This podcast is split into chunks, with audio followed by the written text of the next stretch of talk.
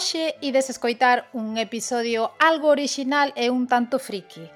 Imos falar de diversos estados ou semiestados entre aspas, minúsculos pero que tiveron unha duración de séculos ou que aínda existen.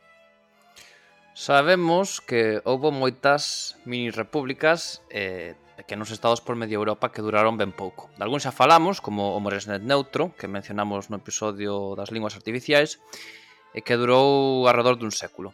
Pero a maior deste tipo, a maior parte deste tipo de pequenos estados ou semiestados pois tiveron unha vida bastante cortiña.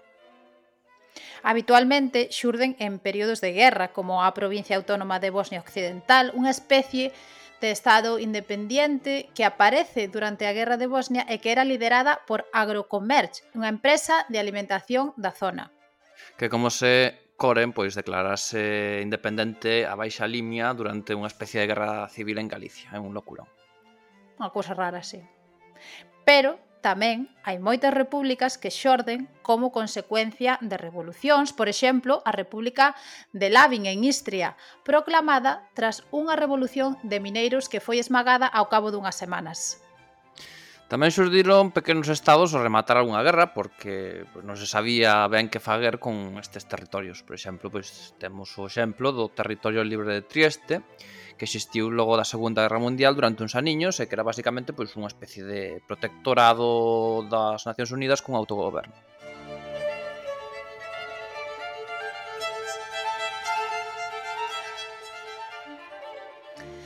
Pero bueno, como dicimos, hoxe non imos falar deses estados que duraron pouco tempo, senón que nos imos centrar nos pequenos estados ou semiestados que duraron varios séculos. Pero antes hai que saber que é un estado, que condicións debe cumprir. Así que, a ver, Juan, eh, contanos, que condicións debe cumprir un estado? Pois os criterios clásicos son tres, que teña un territorio concreto, que este territorio teña poboación e que exista algún tipo de goberno que xerza o poder tanto sobre a poboación como sobre o territorio. Logo xa, ademais disto, ser recoñecido por organizacións internacionais e por estados veciños, pois moito mellor. Obviamente, hai unha chea de estados que están aí nunha zona gris, entidades que cumpren varias condicións, pero non outras, como pois, por exemplo, o recoñecemento internacional, o que a pesar de ter unha completa autonomía, mantiveron ou manteñen unha relación de subordinación a un actor internacional, como veremos en varios casos dos que falaremos. Estes estados, dos que trataremos, xorden tamén habitualmente en zonas de fronteira, onde non é fácil porse de acordo co veciño, pois para demarcar estas liñas no mapa e exercer a soberanía do estado sobre o territorio. Ou tamén xorden en zonas xeográficamente complicadas, ou sexa, zonas illadas, de montaña, illas onde de novo non é fácil exercer a soberanía ou onde pois non compensa porque é moi caro Ás veces incluso hai estados que xorden por error, como veremos máis adiante. Sí, por exemplo, nos Balcáns temos varios casos de territorios que tiveron unha certa autonomía e que funcionaban case como, como estados independentes durante séculos. Por exemplo, como comentamos no episodio quinto do podcast, Montenegro foi durante boa parte da súa historia un pequeno principado baixo o poder nominal do Imperio Otomano. Pero que realmente funcionaba como un Estado independente. Non? Os cidadáns tiñan que, que pagar tributo, recoñecer a autoridade do sultán, pero bueno, ás veces esquecíaselles pagar o, o tributo, eh, pois o, o poder otomano pois moitas veces compensaballe máis pasar do tema que mandar un exército e eh, demandar tributo e sumisión a uns pastores de cabras rudos e violentos. Saílles, saílles moito máis caro ir reprimir que deixar de cobrar o tributo.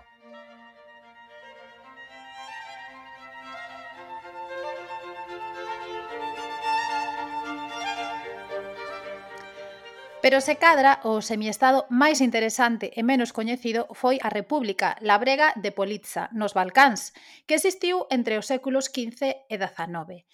Interesante é debido aos diversos documentos legais que deixou, que teñen moita relevancia histórica na súa rexión. Esta república era un pequeno territorio entre o Adriático e os Alpes Dináricos, xusto ao sur de Split, na Dalmacia croata. O territorio non era tan pequeno, tiña aí 250 km cuadrados, que máis ou menos tres veces Andorra. E por ali vivían, durante a idade moderna, pois sobre 6.000 persoas.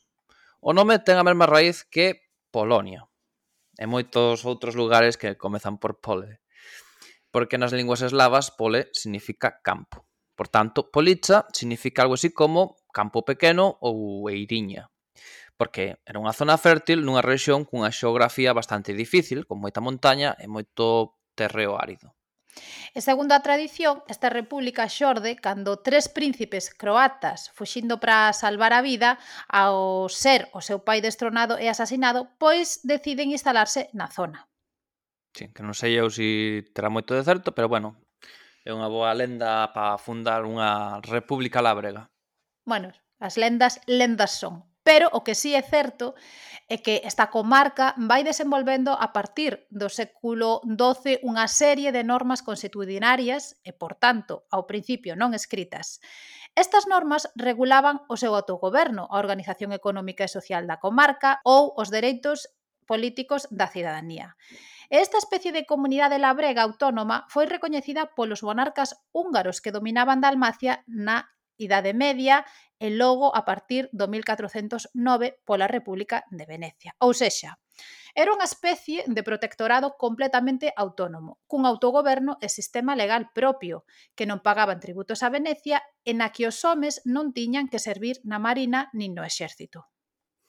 As normas consuetudinarias que sinalamos antes foron co tempo plasmadas en papel primeiro usando o alfabeto cirílico de Bosnia, que era o Bosančica, que é unha especie como de variante propia dese país, do alfabeto cirílico, e que caeu en desuso no século XIX.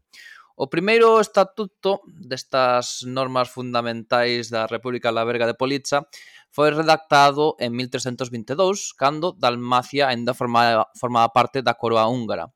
Ese estatuto da República Labrega de Politza foi revisado varias veces conforme cambiaba o estado protector.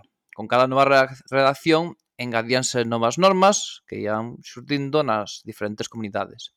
E dicimos comunidades porque, ainda que esta República la Brega abranguía un territorio relativamente amplo, debía ser así como, non sei, o mellor a península do Morrazo, pois eh, cada aldea autoorganizábase. Había 12 e cada unha delas pois elixía a un líder por un ano. E, da, e cada 23 de abril, que era eh, o día de San Xurxo, pois xuntábanse nun lugar chamado Gradats e ali estes representantes elixían o gran príncipe de Politza e máis a tres xuices polo período dun ano. E ademais, como xa dixemos, o Estatuto desta República non só tiña normas sobre o autogoberno do territorio, senón tamén sobre a vida social e económica, sobre todo sobre o uso de prados e regos, que sempre mm, saberedes que é ben importante.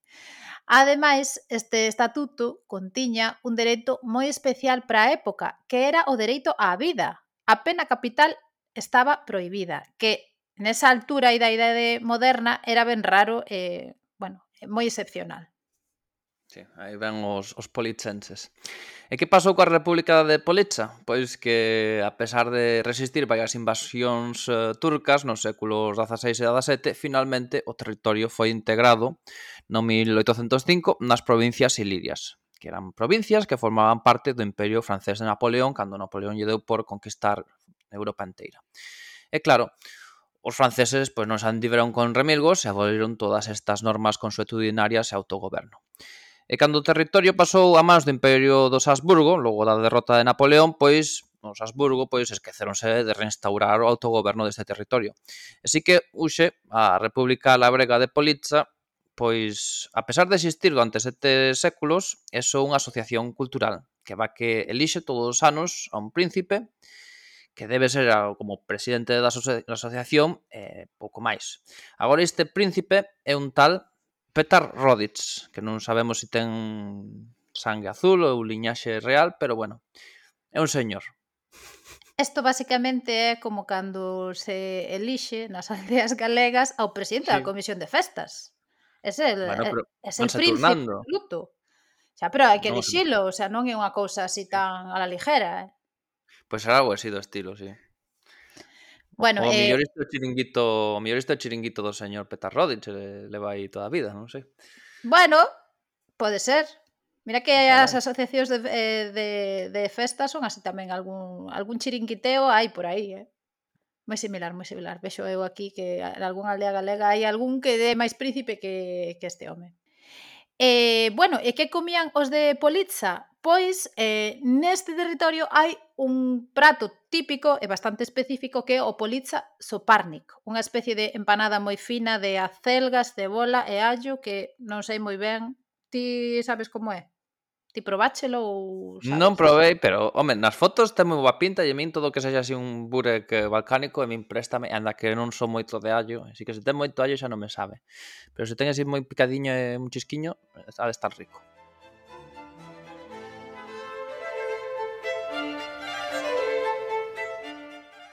Outro estado ben curioso foi a República de Cospalla, situada no centro norte de Italia, xusto na fronteira entre Umbria e a Toscana.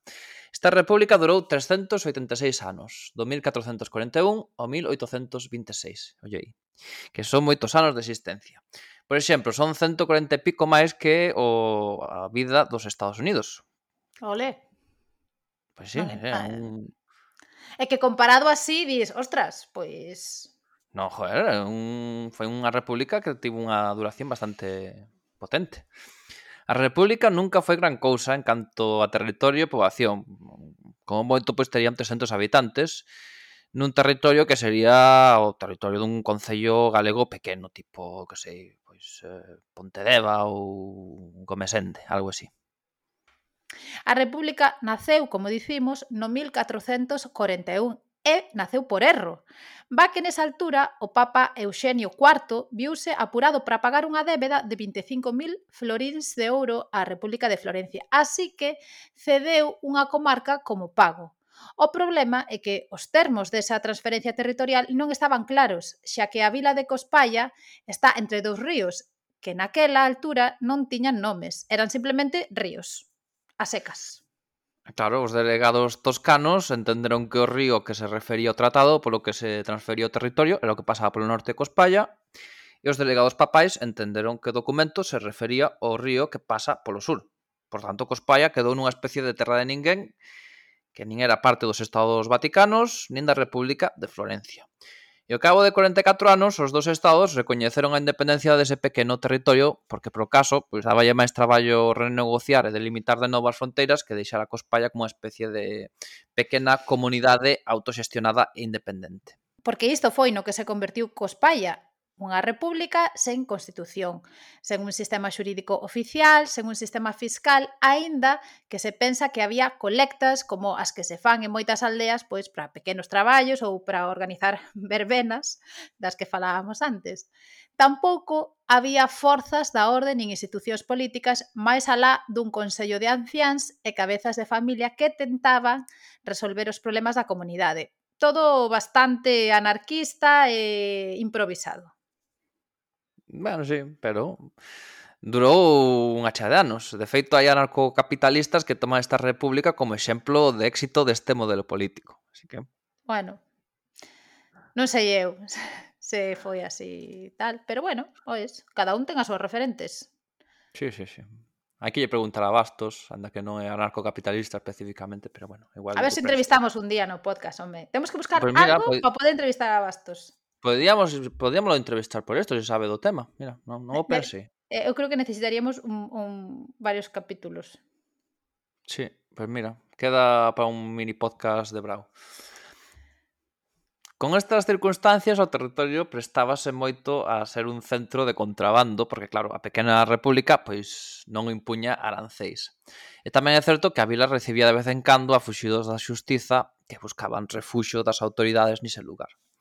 Pero, polo que é máis famosa a República de Cospalla é porque se converteu nun, nun gran centro de produción de tabaco, sobre todo no século ou a partir do século XVII, que cando o Papa Urbano VIII adopta unha bula papal antitabaco porque pensábase que era unha cousa do demo eso de botar fume pola boca. Porque, da, uxe non é moi natural, así que, pois, imaginaevos naquela época. Vos non fumedes, que iso é, como diría Hugo Chávez, fumar é de pendejos. Echar, echar humo por la boca, eso es de pendejos. Ainda nos a ir a Hugo Chávez no podcast, eh? Bueno, pois ben o merece. E bueno, os de Cospalla aproveitaron o seu estatus especial para cultivar tabaco a mansalva e vendelo aos territorios veciños. Eles, como non tiñan que rendir contas a ninguén, pois basicamente convertiron a aldea no centro de produción e comercio de tabaco da península itálica. E claro, este comercio e produción facíase sen pagar impostos nin arancéis. Esta actividade económica foi tan relevante que a planta do tabaco está no escudo da vila, o cal é lóxico porque xerou moitos cartos en Cospalla e aí pois eh, imaginaredes que se fixeron fortunas. E claro, esta situación pois non prestaba nin aos estados pontificios nin ao ducado de Toscana. Así que pois decidiron negociar acabar con esta anomalía e dividir o territorio. Os habitantes de Cospalla pois, recibían unha compensación económica e autorización para seguir a cultivar tabaco, que, bueno, pois, ainda non estaba tan mal. E hoxe os paisanos de Cospalla aínda tratan de manter vivo o recordo desta república, pois poñendo cartéis de benvida á República de Cospalla, teñen ademais un evento anual no que se celebra a historia da, desta república, e existe na, na, na aldea ou na vila pois un museo do tabaco.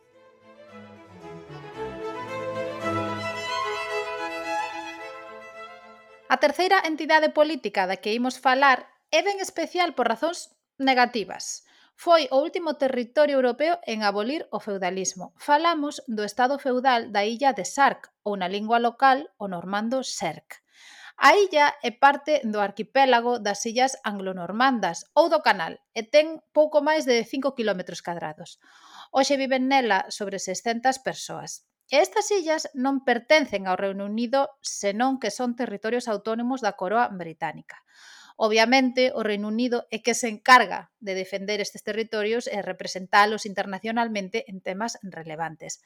Poderíase dicir que é un protectorado do Reino Unido debido aos vencellos históricos que este arquipélago ten coa coroa británica. E como é un territorio autónomo, ten o seu propio dereito, sistema fiscal, institucións, etc. E claro, como saberedes, as illas do canal son un paraíso fiscal debido a esta autonomía. No caso da illa de Sark, forma parte da bailía de Guernsey, que é como se fose o seu estado, pero Shark é completamente autónoma dentro desta xurisdicción. Ou sexa, ten o seu parlamento, as súas leis e xustiza. Que, por certo, desto falamos relativamente un pouco no episodio que dedicamos a Normandía, porque as illas anglo-normandas forman parte da rexión europea histórica de Normandía.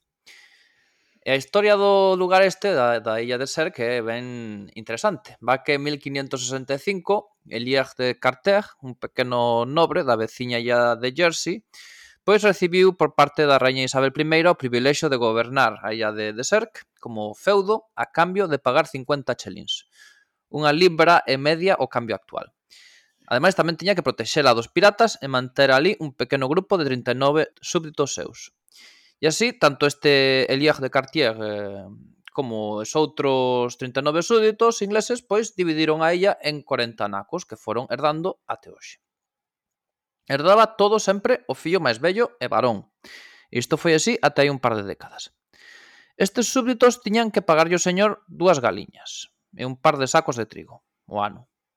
E ben, a legislación, orde social e institucións pois non cambiaron gran cousa até hai pouco desde aquela.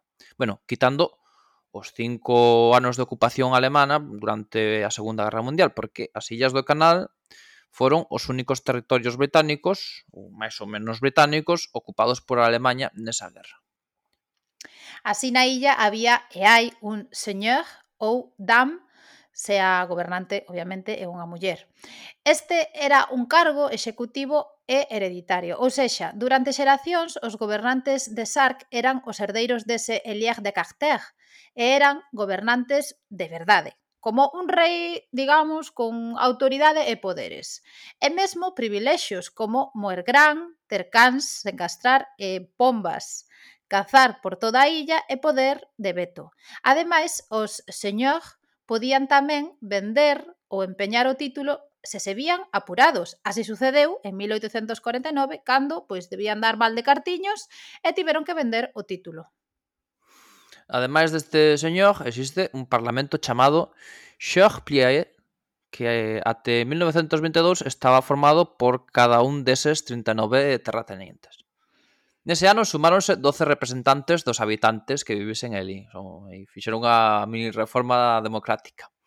Porque Elí non só vivía esta xente, tamén vivían pois persoas que andarían por Elí traballando, non sei, pois eh, precisarían panadeiros ou xardineiros ou así. Eh, pois tamén tiñan o seu dereito a estar representados nestas institucións. Obviamente eran 12, 12 de 51, pois esa minoría absoluta, pero bueno, pois será unha mini reforma democrática. Agora, a cousa cambiou moito debido á chegada en 1993 de novos veciños con cartos, que son os irmãos Barclay, que son propietarios do Daily Telegraph e de moitos outros negocios. Estes quedáronse cunha pequena illa ao pé de Sark, que forma parte do, do seu territorio, e construíron ali un castelo da Virgen. Sí, sí. Castelo pero dos que como os que había antes. O castelo debe eh, de verse de todas partes da illa. Sí, sí, sí, eh, ten ten Porto, e ten tamén el Porto, así que aí poden ir cando queiran, con tranquilidade, eh, comportarse como señores feudais e comenzaron a comprar negocios por toda ella estes eh, irmãos Barclay, porque mm, dixeron, bah, xa que agora temos dereito a, a participar no goberno desta illa ou sermos terratenentes, pois vamos dominar a illa a base de talonario, a base de comprar. Entón, pois, empezaron a comprar pois un hotel, panaderías, tendas, e con isto tamén a presionar a poboación coa súa potencia económica para acabar con este sistema feudal e así, pois, dominar iles a illa máis ou menos democráticamente. Mais ou claro, menos, bueno, sí. Democracia a lo Diputación de Ourense, máis ou menos. Democracia, a lo, pero la democracia la decido yo. Sí, bueno, democracia a base de pagar os votantes, claro, ou subvencionalos. E despois dunha reforma institucional eh, que existiu, que sucedeu na illa hai unha década e media, pois agora este Parlamento da illa está formado por representantes elixidos por sufraxo universal, suamente. Xa non é os terratenentes, xa por ser terratenentes xa están representados, senón agora é hai que votar e ser elixido. Estes representantes empezaron sendo 28, Pero como va que non se presentou moita xente ás eleccións, pois reduciuse o número a 18 representantes, deputados desta Cámara de Sark. E ainda así, os irmáns eh, Barclay tampouco conseguiron controlar este parlamento porque teñen a xente da illa pois un pouco hasta as pelotillas debido ás súas prácticas mafiosas. Bueno, un deles, porque outro xa xa morreu. Xa morreu. Por exemplo, como os seus candidatos a este Parlamento tiveron uns resultados nefastos, decidiron pechar os seus negocios da illa. O sea, se non teño aquí capacidade de control, pois nos vamos e cerramos todo e aí a vos apañedes. Non, non lles gusta perder aos, ou non lles gustaba perder aos señores. A mellor non están habituados a perder. O ser e a oligarquía capitalista, pois, eh, teñen todo xa a mau e eh, faceliño, claro. Tarde, pois non están afeitos e non saben como reaccionar cando perden. É certo. Pois moi mal, moi mal, hai que aceptar as derrotas. Ah. Ademais, en Sark, pois teñen un senescal, que eso xa me parece unha pasada ter un cargo chamado senescal, que moi do señor dos anés, moi Denethor fillo de Excelium. Este senescal é como o xuiz da illa, e elixido polo señor e por dous deputados elixidos por este que tamén é moi democrático, como vedes. Todo isto pois era moi feudal no século 20 21, eh, porque esta reforma democrática sucedeu aí unha década e media. E ollo que aínda se manteñen en vigor certas normas consuetudinarias normandas que terán para aí mil anos de antigüedade. Por exemplo, hai unha que é o clameur de agó, que basicamente é unha maneira de paralizar calquera acción que un individuo considere contra os seus dereitos. E iso sucede se a persoa pois reza un noso pai en francés e berra Ago, ago, a mon et, mon prince, o me fait tort, diante de dúas testemunhas. Entón aí parase todo, todo calquera acción, e hai que ir á xustiza. Se o suposto malfeitor pois non detén os seus actos, pois está aí a fager calquera cousa que che parece que está mal, eh, tú berras eso e a xente, esa persoa non, non para, pois ten que pagar unha multa.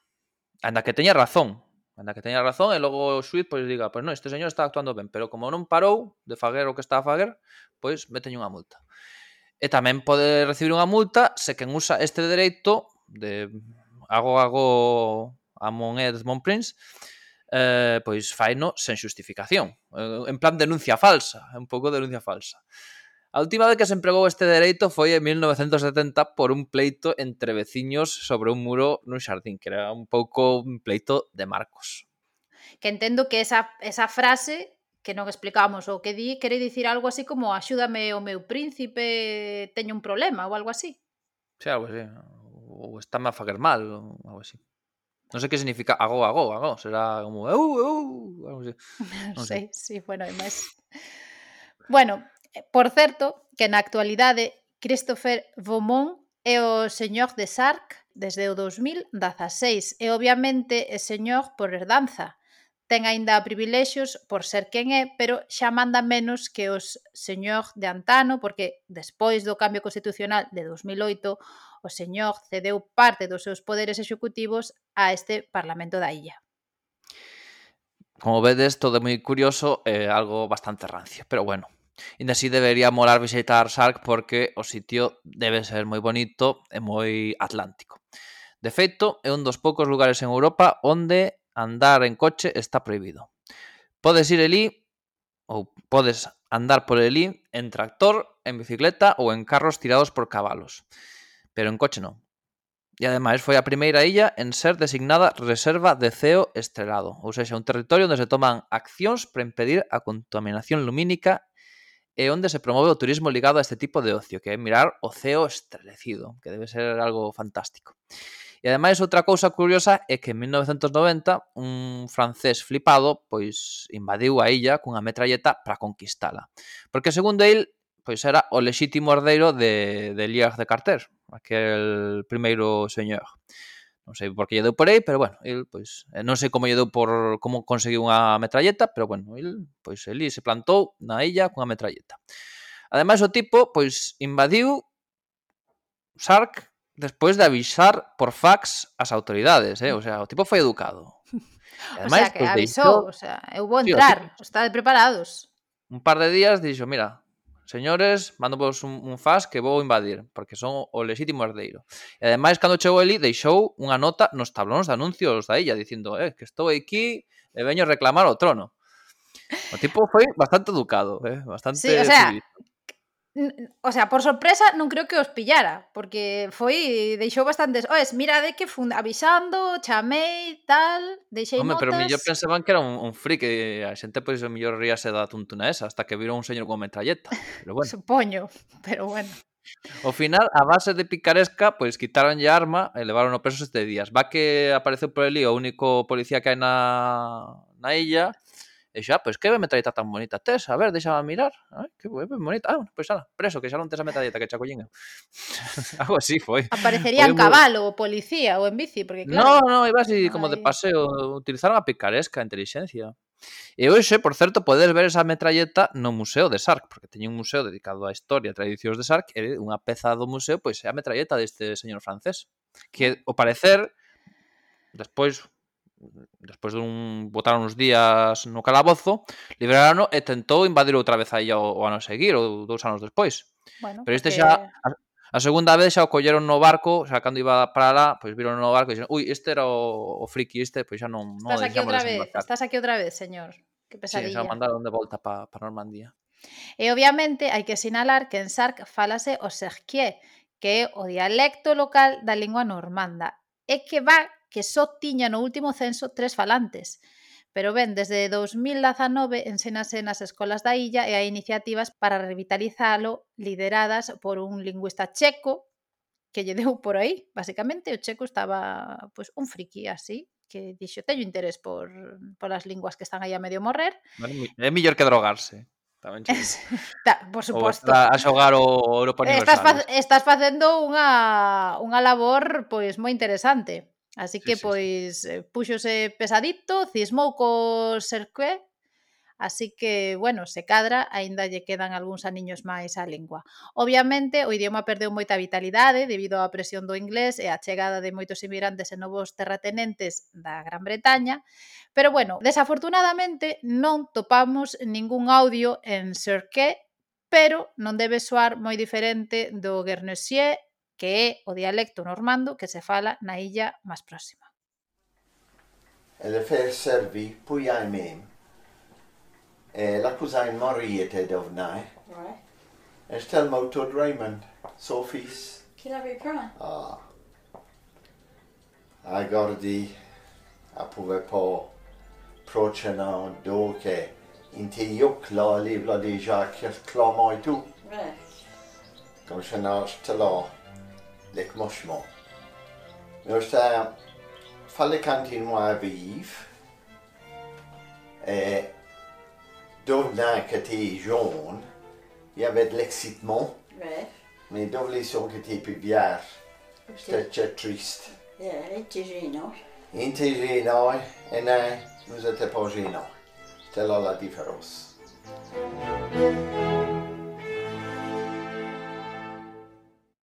E para rematarmos, imos tratar de algo moito máis cercano a nós, sobre todo a min, que son da raya seca. Falamos do couto mixto, que é un semiestado, podemos chamar semiestado, un estado, se queredes, de 27 km cuadrados que durou máis que os anteriores. Así que ten moitísimo mérito.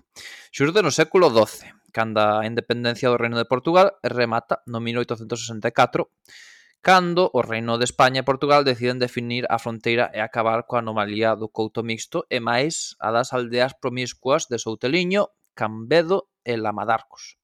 Unhas aldeas hoxe portuguesas que antano pois estaban cruzadas pola fronteira internacional, nas que os veciños tamén tiñan algún privilexio por esta situación.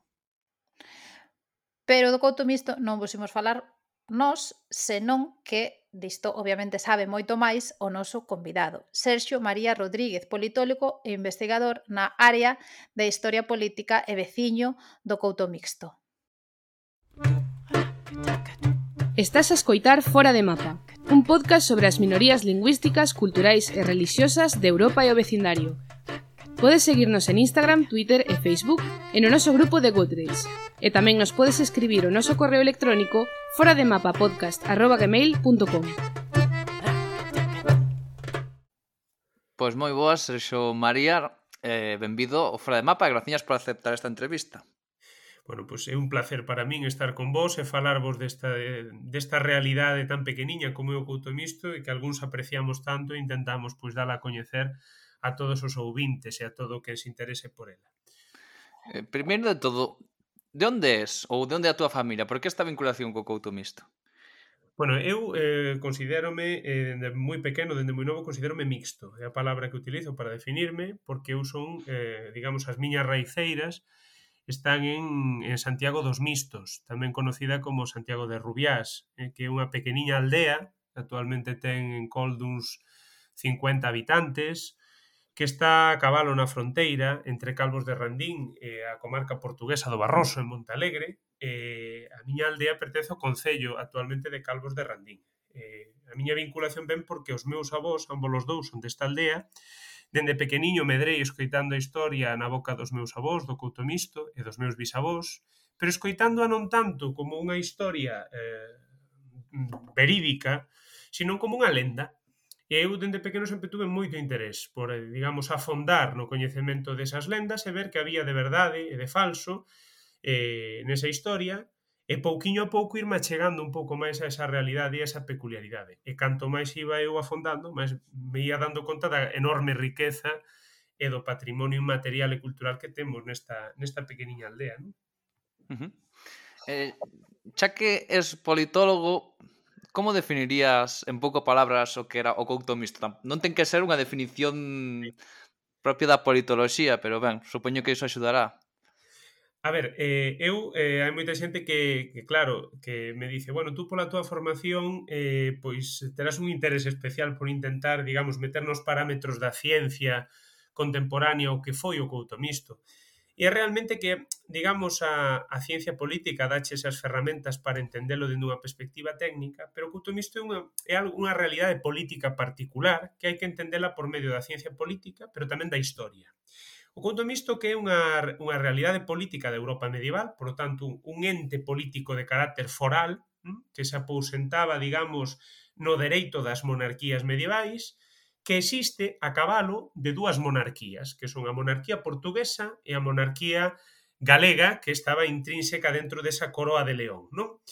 Entonces ese efeito fronteirizo acaba dando lugar a que un territorio, un couto, que abondaban nas terras de Portugal e nas terras do Reino de Galicia, os coutos, como unha maneira de organizar o terreo, como hoxe podemos ter as freguesías, en Portugal, os concellos en Galiza, non?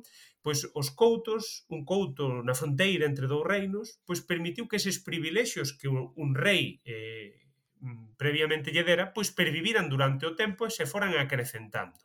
É dicir, que o couto misto é unha realidade foral, protoestatal, porque é anterior ao propio Estado, que sobrevive por o propio feito fronteirizo, no cal os seus viciños teñen a capacidade de defender eses privilexios e de ilos ampliando e a través dunha serie de avatares históricos son eses propios privilexios ou dereitos forais os que van constituindo esta peculiaridade política. E xa a finais do século XIX cando a coroa portuguesa e a coroa española dende a perspectiva dos novos Estado-Nación non lle encaixa a supervivencia desa realidade política, pois esa presión que exercen é a que fai que, eh, por parte de algúns veciños do Couto Misto e do seu líder político, o xuiz Delfín Modesto Brandón, que era o xefe político desta particular realidade, pois teñan vontade de intentar defender esa realidade política que acabe dando lugar a algo similar a Andorra.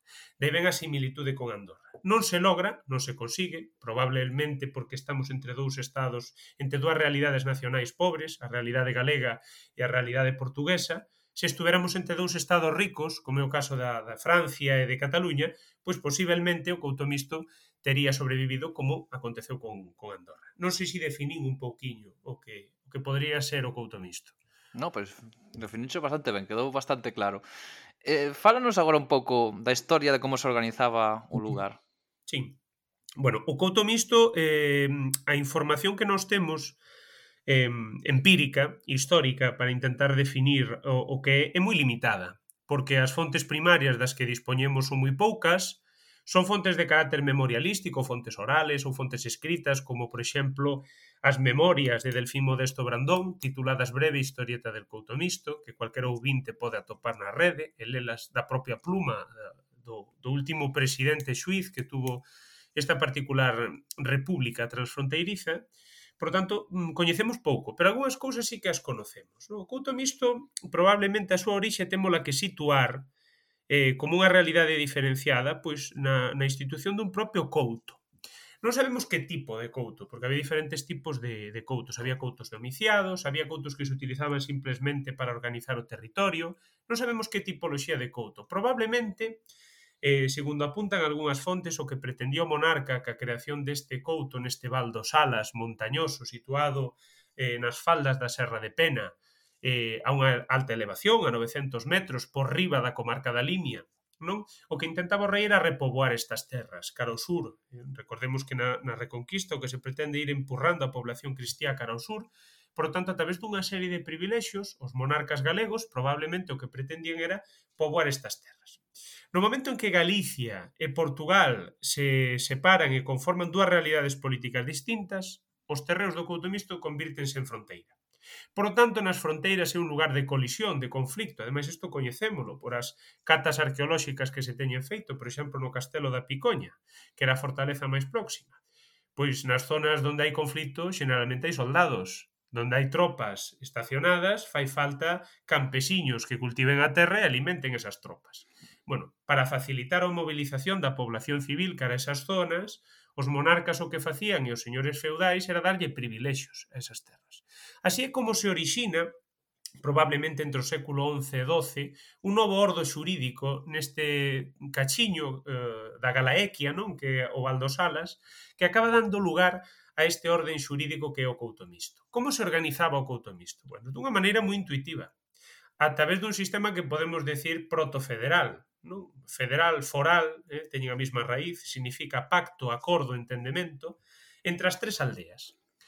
Ah, os pais de familia de cada aldea, cada, cada tres invernos, elexían aos seus alcaldes, que recibían o nome de homes de acordo, que eran os encargados de representar as aldeas frente ao xuiz presidente que era, por así decirlo, o líder político desta realidade foral, que non era realmente independente, porque quen confirmaba o xuiz, que tamén era eleito cada tres invernos, era o monarca portugués, o duque de Braganza, que era o propietario eh, por dereito destas terras, era que confirmaba a, ao xuiz presidente. O duque de Braganza, coa peculiaridade de que a partir do rei Xuan de Braganza, é a casa, digamos, dinástica portuguesa que se convirte na casa real portuguesa. Por tanto, os duques de Braganza, nun determinado momento, convírtense na dinastía reinante en Portugal. E o couto misto é terra propiedade da familia que ocupa a coroa portuguesa. Pero, por outra banda, existe outra realidade no orde espiritual, polo cal o couto misto está baixo o influxo da Iglesia galega, concretamente do bispo de Ourense, que, que nomea os párrocos do couto misto. A día de hoxe somos dúas parroquias eh, distintas, Santiago de Rubiás, que integra as vilas de Santiago de Rubiás, e a parroquia de San Lourenzo de Tosende, que integra a vila de Meaus. Por lo tanto, xe somos dúas parroquias, no pasado tiñan un único cura que era sempre galego, viña do seminario de Ourense. Temos que lembrar os ouvintes tamén que o bispo de Ourense era quen nomeaba ao párroco de Turei.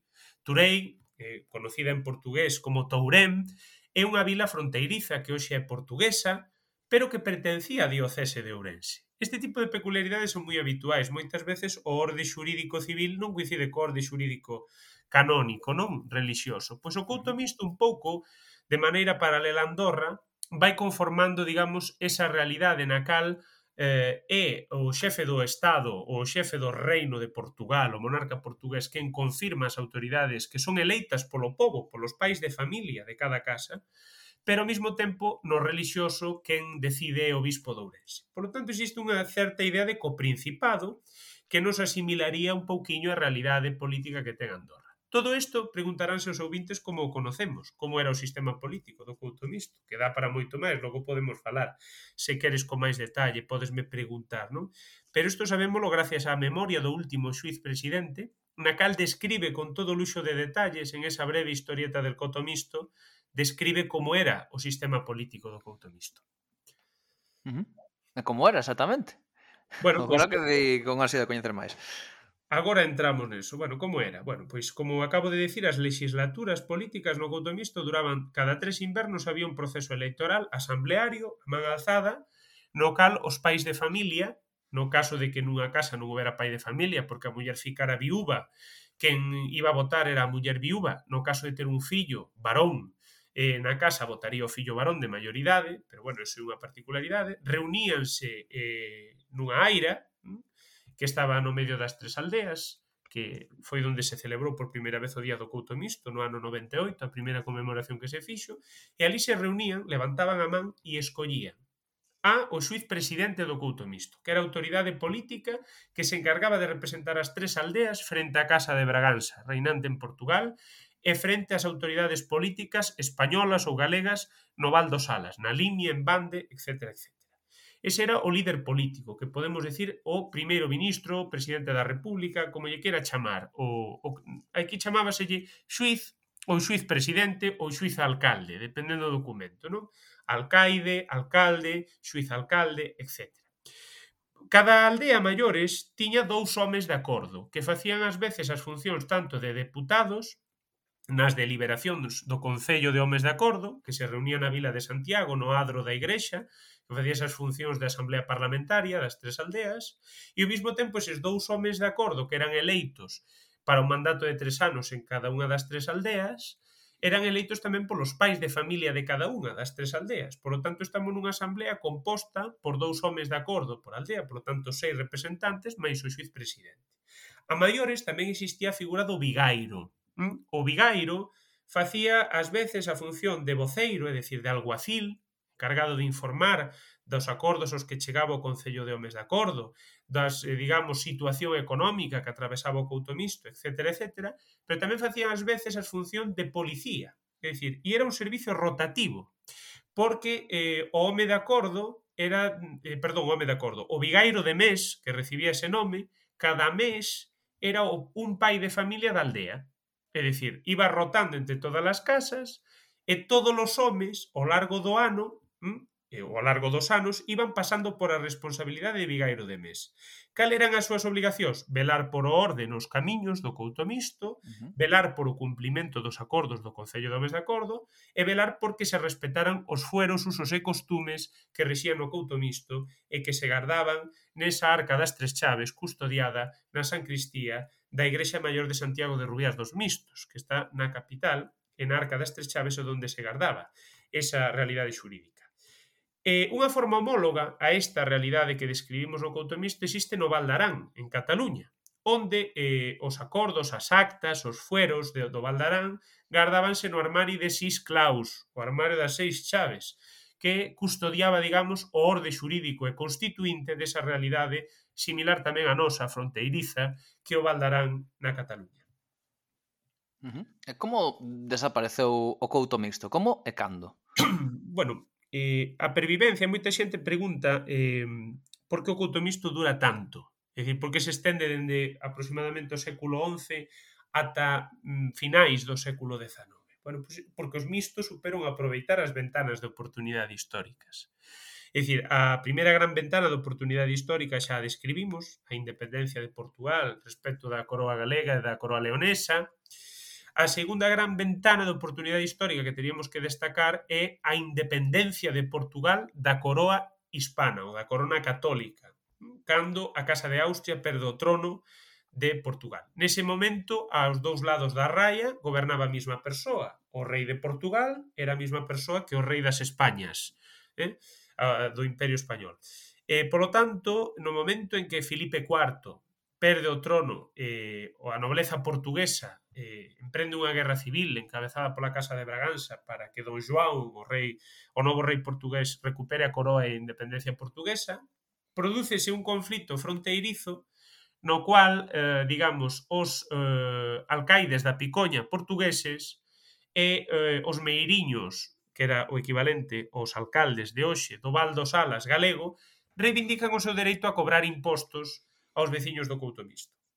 Os veciños do Couto de Misto no momento néganse e saben aproveitar, digamos, a situación eh, naquela altura existían catro aldeas dentro do Couto Misto, Santiago, Rubiás, Meaus e Pena, e a situación acaba de maneira violenta. É dicir, para xenerar un pouco de tensión no ambiente, o que ordena o alcaide da Picoña é que durante a noite se prenda lume a aldea de Pena. Eh, eso resulta nunha debacle, eh, falece, hai falecidos, neses acontecementos é quen se ve obligado a intervir directamente o monarca. O que fai o monarca eh, galego, de acordo cas autoridades portuguesas para evitar que o conflito se escalara, é, eh, digamos, de alguma maneira, confirmar os privilexios do couto mixto para evitar un conflito maior. Entonces, reafirmase, digamos, esa vocación que o couto mixto ten de ser unha especie de estado colchón entre ambas as dúas monarquías. E esa realidade de Estado colchón vese fortalecida. Por lo tanto, esa intelixencia dos mistos para saber xogar, esa capacidade diplomática que teñen na súa realidade inmediata e o que lles permite chegar con vida e a propios avatares históricos tamén contribúe a que chega vivo hasta o século XIX. No século XIX eh, implántase unha realidade en boa parte dos estados europeos que é o servizo militar A obrigación de cumprir co servizo militar fai que as autoridades portuguesas e españolas vean unha anomalía que existan tres aldeas na fronteira galego-portuguesa que non cumplan con esa obrigación. Eles é que ter en conta que non eran nacionales, digamos, eh, dun Estado. Tiñan digamos, dereito de servidume frente ás dúas monarquías, eran súbditos por igual da monarquía galega e da monarquía portuguesa. Logo podemos falar de como escollían, se si querías, o tema da nacionalidade, etc. etc. Pero non estaban obrigados a cumprir co servicio militar. Portugal e España non están de acordo con isto e, por tanto, desencadéase eh, un proceso de negociación por o cal eh, tanto España como Portugal intentan expoñer o seu dereito a incorporar as tres aldeas ao seu terreno. Hai créase unha comisión de límites e fronteiras que intenta negociar a fronteira galego-portuguesa norte, especialmente na, na raya seca, porque na raya húmida o río Miño clarificaba todo, pero na raya seca hai máis conflictos, e os portugueses aluden, digamos, que eh, a vinculación histórica da Casa de Braganza co Couto Misto outorgalles un mellor dereito que os españois a incorporar o couto Misto á soberanía portuguesa. Os españois responden dicindo, digamos, de alguma maneira, que a vinculación relixiosa do couto Misto a España e a súa, digamos, pertenza da parroquia eh, directamente ao bispado de Ourense obrigalles a ter un mellor dereito. E ademais a situación xeográfica tamén lles favorece para ser incorporados en España e a condición cultural como galegos, os mixtos falamos galego, as probas me remito, non? Os ouvintes están escoitándome falar e por tanto esa reivindicación de España eh, plantexase nese momento. Chegase un primeiro acordo, por o caso intenta eh, no ano 63, en 1873, eh, que a fronteira sexa o río Salas. Por lo tanto, Meaus pasaría a España e Santiago Rubias ficarían portugueses. Eh, as autoridades españolas non aceptan esta proposta e eh, han dado un tempo para non digamos, para non aburrir os ointes cos detalles, non? Han dado un tempo, chegas a un acordo por o cal Portugal incorporaría a súa soberanía ás aldeas promiscuas, que eran, bueno, eran unhas aldeas que se construíran na, xusto en riba da fronteira entre Galicia e Portugal na altura do Concello de Oimbra, entre Chaves e Oimbra, eh, pasarían a ser portuguesas e a cambio o couto Misto pasaría íntegro a España, excepto unha pequena franxa de monte que, que fai fronteira a día de hoxe con Portugal, chamados pastos Mistos, que están no alto da Serra de Pena, paralelos ao cabezo alto de Monteagudo, que pasarían a ser territorio baixo soberanía portuguesa. Por tanto, o couto Misto divídese así os pastos montañosos pasan a Portugal e as tres aldeas fican en España a cambio de que Portugal integra esas aldeas que con certa perspicacia os galegos e os portugueses construíran riba sobor da fronteira para aproveitarse, digamos, dos privilexios xurídicos e comerciais de vivir nunha situación transfronteiriza. Así, Souteliño da Raya, Lamadarcos e Cambedo en Chaves pasan a ser portugueses e Santiago Rubias e Meaus pasan a ser españois. Pensou un pouco a historia. No ano 68 fírmase o Tratado de Lisboa e acta de entrega no adro da Igrexa de Santiago de Rubiás. Para a altura, eh, o xuiz xa non era Delfimo Modesto Brandón, porque presentara a súa dimisión. Eh, non se ten para nada en conta a opinión dos veciños do Couto Misto.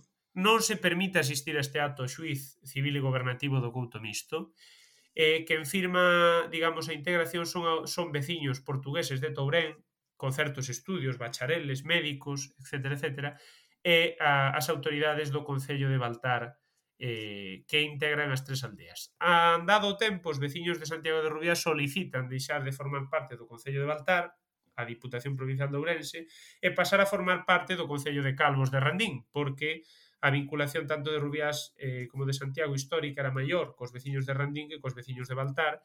A Diputación acepta a proposta e así é como o Couto Misto fica acendido pola metade entre o Concello de Baltar e o Concello de Calvos de Randín. Moi interesante esta microhistoria. Sí. Realmente interesante. E realmente pensaba que non habería tantos detalles, eh, eh tantos feitos históricos registrados. Eh, antes mencionaches eh, lixeramente os privilexios que tiña a poboación local. Poderías nos comentar máis sobre o tema? Sí, a ver, eh, os que son denominados mm, tradicionalmente como privilexios, tamén lle poderíamos chamar dereitos forais que tiñan os mistos, que deviñan da, do dereito consuetudinario, da tradición, eh, dos usos e costumes, eran os seguintes. Quizáis o máis interesante, o que a xente lle chama máis atención, é o mal chamado dereito a escolla da nacionalidade non é tal, a nacionalidade é un concepto tremendamente moderno. O couto misto nace no século XII, non hai nacionalidade, naquela época érase súbdito do rei. Mm? Os mistos podían elixirse súbditos do monarca portugués ou ser súbdito do monarca español, ou tamén podían elixir non ser súbdito de ningún monarca e someterse simplemente á deliberación xurídica do xuiz civil e gobernativo, é dicir, da autoridade política mixta. Por lo tanto, non estar supeditados á serventía da monarquía española ni á serventía da monarquía portuguesa. Cando escollían isto? No momento do casamento, aqueles, eh, digamos, que eh, optaban por a nacionalidade portuguesa, brindaban, eh, según conta a tradición oral, eh, que tantas veces me contou miña bisaboa, brindaban con viño tinto a saúde do rei de Portugal e aquel outros que optaban por a nacionalidade, bueno, por a serventía, a monarquía española, brindaban con viño branco a saúde do rei das Españas, non?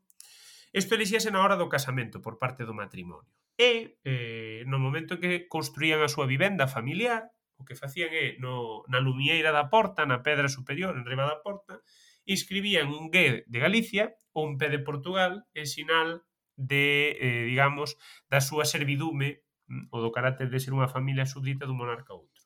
Tamén había aquel outras casas nas que se escribía unha C e un M, eh, dando a idea de que non se debían ao sometemento da xurisdicción dunha monarquía ou doutra. Cando existía, digamos, algún tipo de conflito de carácter civil, un conflito leve, que resolvía se si o conflito non era un delito de sangue, era directamente o xuiz civil e gubernativo. Deliberaba as costas ou deliberaba, digamos, a pena, Si o delito era maior, máis grande, levaba sangue, hai xente que dice que o coutomisto era como unha especie de anarquía, non é tal. E había un orde xurídico e había uns procesos e unhas institucións. Por lo tanto, esa idea que moitos anarcocapitalistas reivindican de que o coutomisto era unha especie de la comarca del Hobbit, pois non, non, non coincide para nada. Había unhas institucións, había un orde xurídico e había unha convivencia ordenada eh, cando había un delito de sangue, o xuiz civil gobernativo a través do, dos vigairos de mes, que falábamos antes, que facían as funcións de manter o orden interno, entregaban a ese malfeitor, a ese delincuente, ás autoridades portuguesas, si era súdito da monarquía portuguesa, por tanto, ás autoridades de Montalegre, que é a vila máis próxima, ou ás, ás autoridades galegas, dependendo si era súdito do rei de España.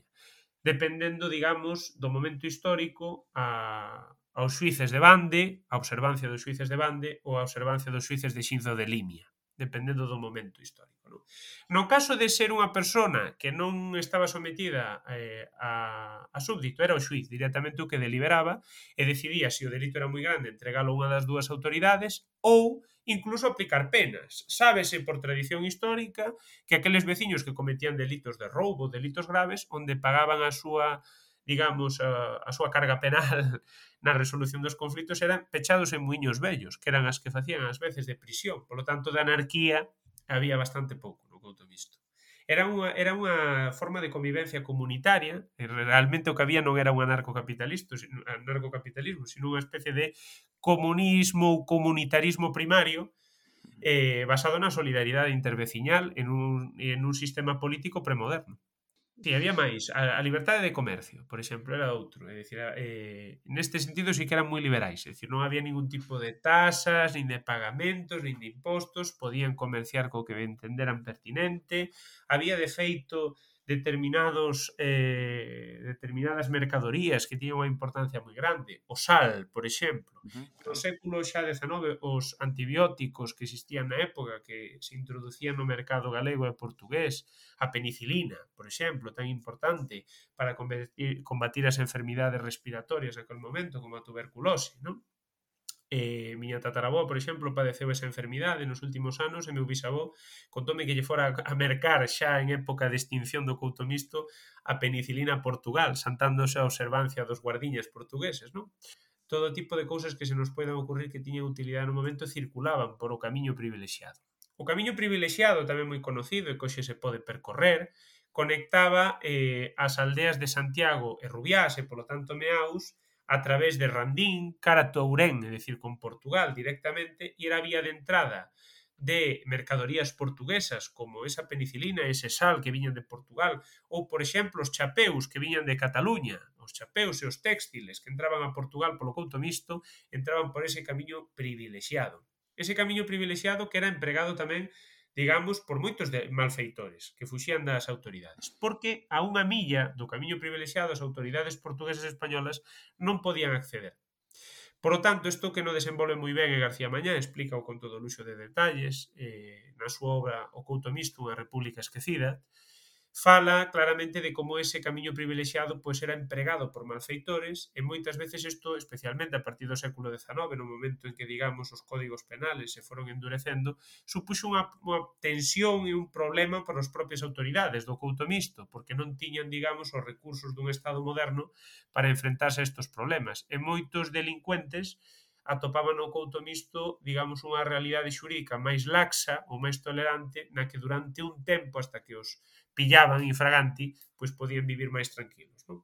Logo, outro dos privilexios que tiñan os mistos era o dereito de non servir nas quintas militares, é dicir, de non ser reclutados para o exército, eh, que era un dos privilexios, digamos, máis conocidos. Outro dos privilexios, por exemplo, era que non tiñan que timbrar os papéis notariais, nin tiñan que pagar as taxas, nin este tipo de cousas. É dicir, os acordos eran directamente de persoa a persoa e os documentos tiñan carácter privativo eh, hai documentos notariais que o atestiguan neste sentido, no cual notarios fan costar e sabiendo que según el uso e la costumbre los vecinos de Santiago y Rubiás eh, no se ven en la obligación de pagar estas tasas e estos timbrar estos documentos, etcétera, etcétera. Decir, é outro dos privilexos. Non sei se me deixo algún máis. O dereito a portar armas, o dereito a autodefensa, por exemplo, nun, nun estado no que non había, digamos, unha policía pública ou formal, Eh, e, e iso, o dereito á escolla da libre nacionalidade, creo que non me deixo ningún no tinteiro.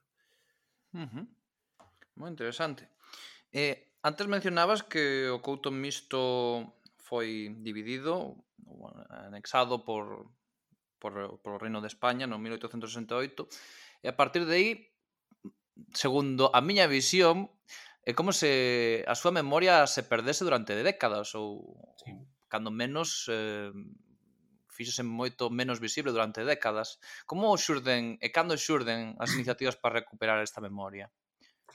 A ver, a memoria, como acontece, digamos, nos ámbitos informais e populares, sobre o culto misto, sigue existindo, pero moi reducida. Eu ainda lembro a miña bisaboa, que reducía todo este tipo de cosas ao ámbito doméstico.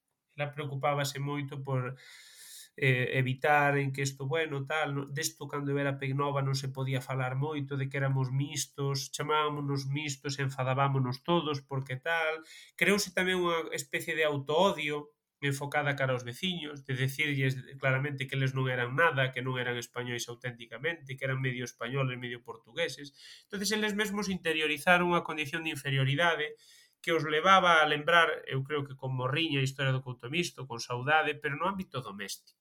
O que pasa é que é certo que era algo que se reducía ao ámbito doméstico, durante o franquismo non se podía falar nin sequera de mistos, nin de couto misto, nin de nada por estilo, e é certo que un día, aló por, por finales dos anos 80, principios dos 90, presencianse por estas terras eh, Carlos Casares e eh, García Mañá, xunto a algún outro veciño da zona, querendo conocer in situ aquelas terras da, as que Carlos Casares, que tiña un tío que era dos blancos, creo que de Covelas, lle falara tamén de pequeno. Decía, e alá no fondo, nas montañas de Calvos de Randín, aquelas persoas que viven naquelas aldeas hai moitos anos foron che libres, non che eran súbditos, nin da monarquía española, nin eran portugueses, nin españoles, eran independentes. Entón, Carlos Casares, que por altura era xa un prohome da cultura galega, habíase convertir posteriormente en presidente do Consello da Cultura Galega e diputado autonómico do PSDG, moi próximo a Ramón Piñeiro,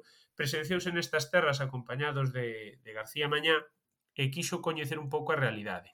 Daquel primer contacto, e xunto a, digamos, o compromiso de outros veciños, como Cesario González Veloso, eh, José de Rubiás ou Sergio de Meaus, eh, pois naceu a Asociación de Amigos do Couto Misto, que logo viuse apoiada por moitas outras persoas, como, por exemplo, Xosé Martínez, non? Pepe de Redondela, e outras persoas do mundo cultural, eh, eh, Xosé Cid, non? O, o profesor da Universidade de Vigo, e outros tantos intelectuales que se implicaron na recuperación da memoria tamén un pouco da dignidade dos veciños destas zonas que estamos un pouco esquecidos e que estamos un poquinho tamén maltratados por as institucións políticas xa que a raia seca a día de hoxe importalle máis ben pouco aos líderes políticos porque somos poucos, e re, realmente representamos unha, digamos unha eh, representamos un viveiro electoral moi reducido de votos, polo tanto non lles preocupa moito o que aconteza por estas terras. Entonces, a Asociación de Amigos do Couto Misto, que nace no ano 98, o que supón é devolverlle a autoestima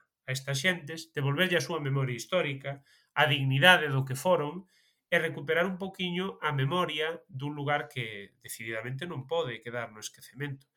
A isto vironse sumar outras outras iniciativas como a Academia do Couto Visto ou tamén a iniciativa dos mistos promocionada por xente moza que o que pretendemos é levar ao terreo das redes sociais e das tecnoloxías do século XXI a realidade que foi o couto Misto e reivindica tamén a restauración de algúns dos nosos dereitos históricos, como o dereito a ter a dupla nacionalidade. Uh -huh. Moi interesante, eh, e ademais xa fuches respondendo máis ou menos o que che quería preguntar. Sí. Eh, xa para rematar, por que recomendarías visitar o Couto Mixto? Bueno, eu, en primeiro lugar, eh, por un criterio subxetivo, porque para min claro. é a terra máis bonita do mundo, é eh, a miña terra, non? e, por tanto, é un lugar máxico, transmite a forza da historia, pero non só a forza da historia que eu vos estou contando, porque eu creo que paga pena meterse dentro da igrexa de Santiago dos Mistos, na súa na súa sancristía, observar as súas pinturas tardorrománicas e sentirse enchupado por séculos de historia, non só por iso.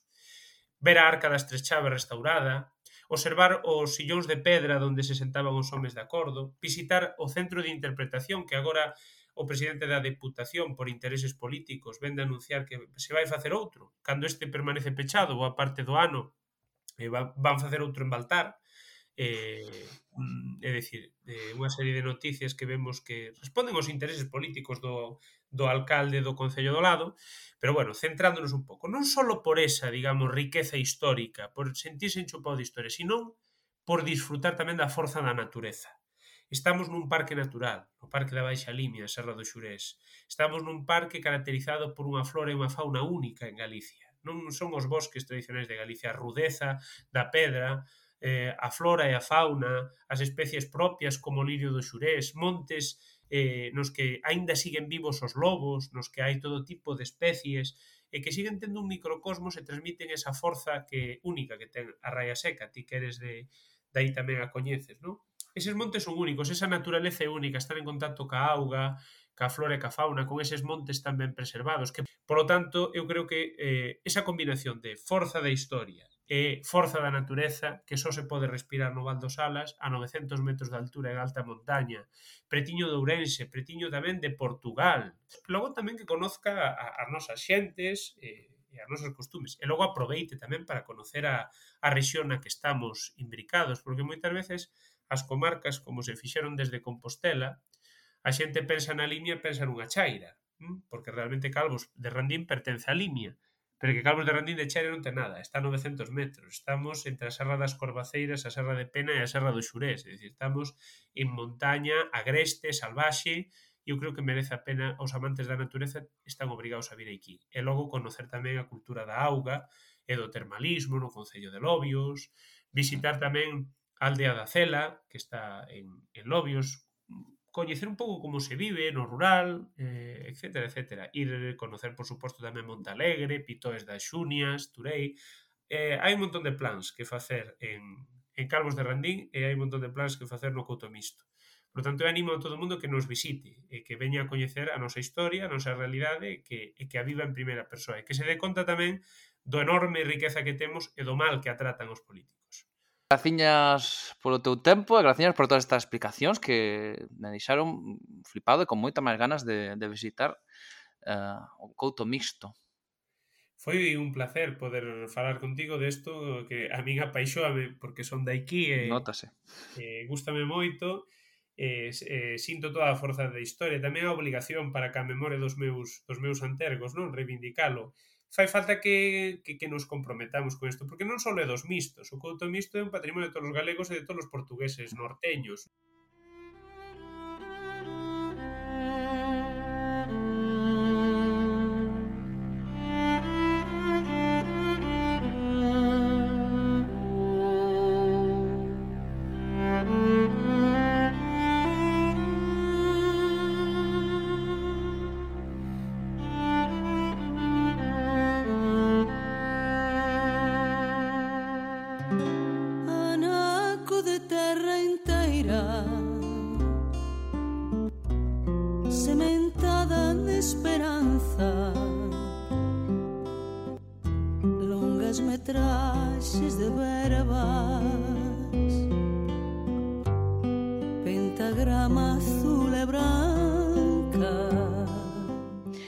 coa entrevista a Sergio María Rodríguez e o himno do Couto Misto cantado pola maravillosa María do Ceo, despedimos este episodio tan especial. Esperamos que vos prestara e eh, que disfrutarades coñecendo estes estados europeos ben curiosos que son os míticos que saen estas listas de, de mini estados e eh, curiosidades da, da xeografía e da historia que a min tanto me presta. A mellor ainda dá para facer un, un unha segundo, segunda edición. Unha segunda edición. Si, sí, é capaz, é capaz. Pois nos escoitámonos nunhas semaniñas ou antes que poidamos ou en canto nos deixen as obrigacións laborais. Laborais e persoais que van ser bastante múltiples e variadas nas próximas semanas. Beixiños a todos. Chao, chao. Por se truncar cabella Por seu etro